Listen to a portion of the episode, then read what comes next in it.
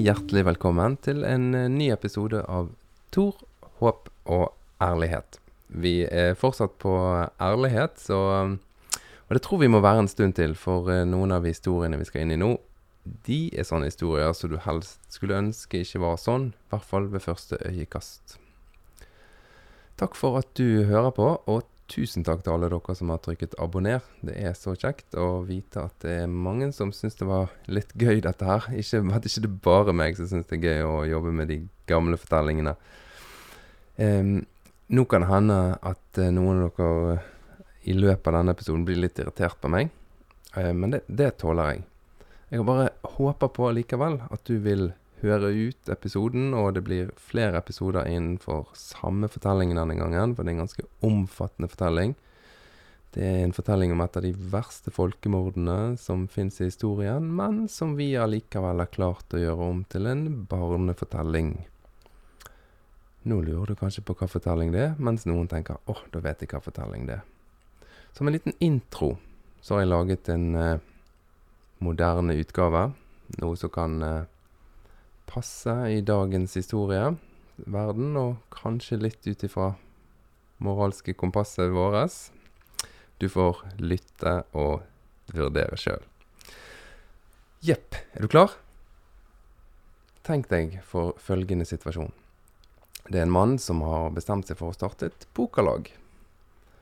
Han har samlet noen som han kjenner, og de har tatt med seg noen, sånn at de er blitt en liten gjeng. og Sånn en fredag i måneden så samles de i ulike hjem, går på rundgang, og de begynner å ha det veldig kjekt. Det er veldig fint, dette. De har, de har det gøy. Men etter noen ganger så begynner folk å drikke mer. Og så blir det mer krangling. Og etter hvert så utvikler disse pokerlagene seg til å bli slåsskamper og bråk og styr. Og han som startet dette, han kjenner at han begynner å angre. Men det er nå én i dette pokerlaget. Han heter Frank. Og Frank, han er kjempegrei. Han er aldri med på kranglingen.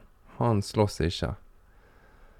Og denne fredagen her, da skal pokerlaget være hjemme hos Frank. Og de er samlet alle sammen, og noen faktisk litt sånn småfulle når de kommer. Og det utarter seg veldig fort til å bli lite trivelig. Så han som startet pokerlaget, han tar med seg Frank ut i gangen, og så sier han Du, Frank. Jeg angrer på at jeg startet dette pokerlaget. Så um, vet du hva, nå må du gå ned og hente ungene dine og konen din. De sitter jo nede og ser TV, for, for, har jeg forstått. Og så må dere gå ut i garasjen. Og bare bli i garasjen til jeg kommer og henter dere. Men hvorfor det, da, sier Frank. Hva er det, hva er det som skjer? Hva skal vi ut i garasjen etter? Nei, du skjønner det at eh, nå kommer jeg til å skyte alle de som er her. Og etter jeg har skutt de, så kommer jeg til å sette fyr på huset. Bare brenne alt sammen ned. Nå er jeg lei. Jeg angrer på at jeg startet dette, så må vi få avsluttet det skikkelig. Frank han ser på han som startet pokerlaget, og så nikker han, og så går han ned i TV-stuen og henter kone og barn, og så går de ut i garasjen og lukker døren. Idet de lukker døren, så hører de flere skudd inne fra huset sitt. Men de setter seg ned på hver sin palle i garasjen og, og venter. De venter fryktelig lenge. Litt utpå dagen dagen etter så går døren opp, og der står han som startet pokerlaget, og så sier han «Eh, Du, Frank, eh, nå kan dere komme ut, men det ser veldig mye verre ut enn jeg hadde tenkt dette her. Det ble skikkelig grisete. Så jeg tenkte på det når solen sto opp i dag, at jeg eh, nå har jeg laget en veldig fin tegning her. Masse farger og greier. Jeg henger den opp her på garasjen.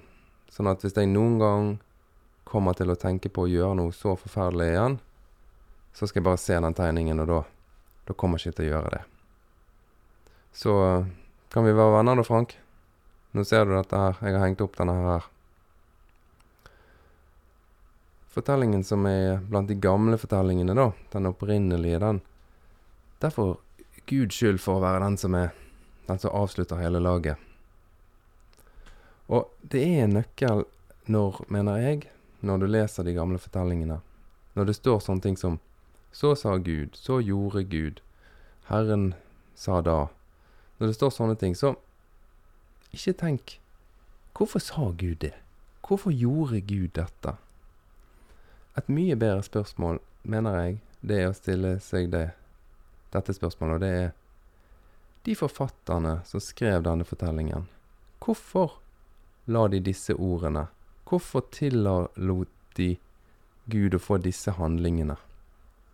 Sånn at når du leser fortellingen om Noah i første Mosebok, og det står det at eh, jorden var blitt full av vold, folk gjorde onde ting, så sier Gud, jeg er lei av å se på all denne volden, jeg er lei av å se på at menneskene er så onde. Så må du heller spørre deg, hvorfor skrev forfatterne det? Hvorfor tenkte de at den som er opphavet vårt, må være veldig lei av all denne volden? Så leser du litt videre, så må du også legge merke til en ting. Så står det at forfatterne de tenker som så at Noah, han var rettferdig i sin samtid.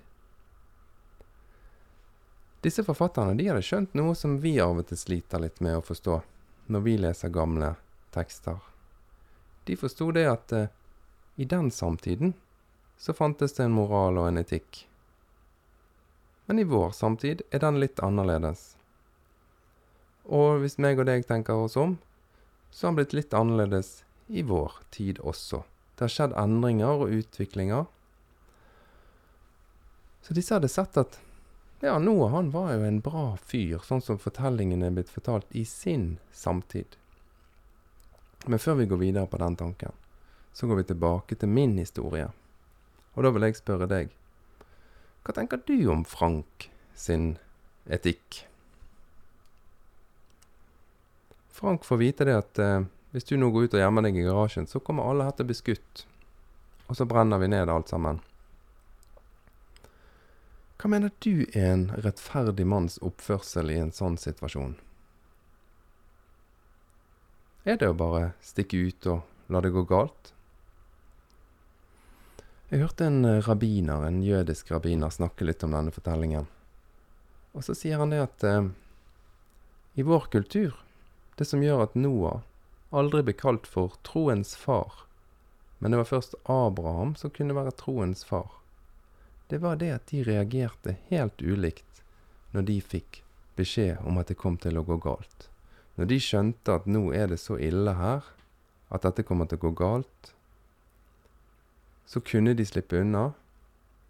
Og Noah, han bygget båten, han, sånn at han kunne være trygg.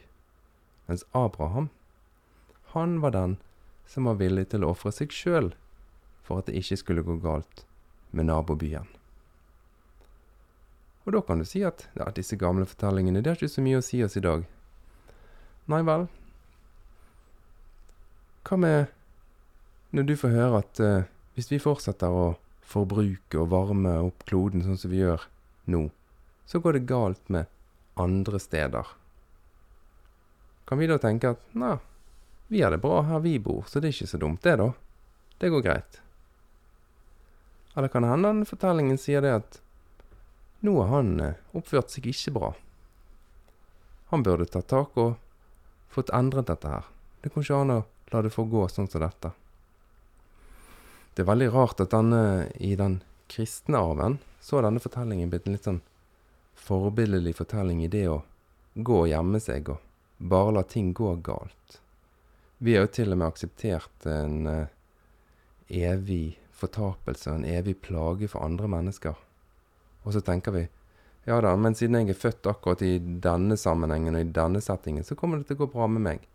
Så nå må jeg bare holde fast på min tro og inni mitt lille rede.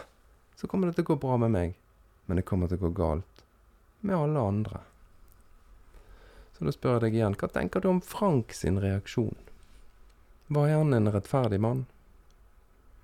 Forfatterne av denne fortellingen, de sa at Noah var en rettferdig mann i sin samtid, men at litt seinere så kom det en annen mann som reagerte helt annerledes når han hørte at det kom til å gå galt med folk. Til slutt i denne episoden, før vi i de neste ukene skal gå inn på veldig mange andre emner innenfor Noah-fortellingen, så har jeg bare lyst til å gjøre oppmerksom på en én sak til. Og det er det Hvem er Gud i denne fortellingen? Er han en uh, fornuftig Gud? Er han en Gud vi har lyst til å forholde oss til? Altså, hvis han ser på sitt skaperverk, som er helt fabelaktig, og så reagerer han i affekt og bare drukner alt sammen. Og Da vil jeg minne deg om den eh, eh, episoden som var litt tilbake. Den som heter 'Jeg fortjener min rikdom'. Disse fortellingene har blitt til i en tid der vi tenkte at gudene var fryktelig sinte. Vi måtte ofre for å passe på at de var glade. Denne Noah-fortellingen, det kommer du til å se etter hvert, den starter en liten kime til å tenke at nå kan vi være trygge, for Skaperen er på vårt lag. Bare vent og se, men du er nødt til å følge med på Tor, håp og ærlighet. Takk for at du lytter.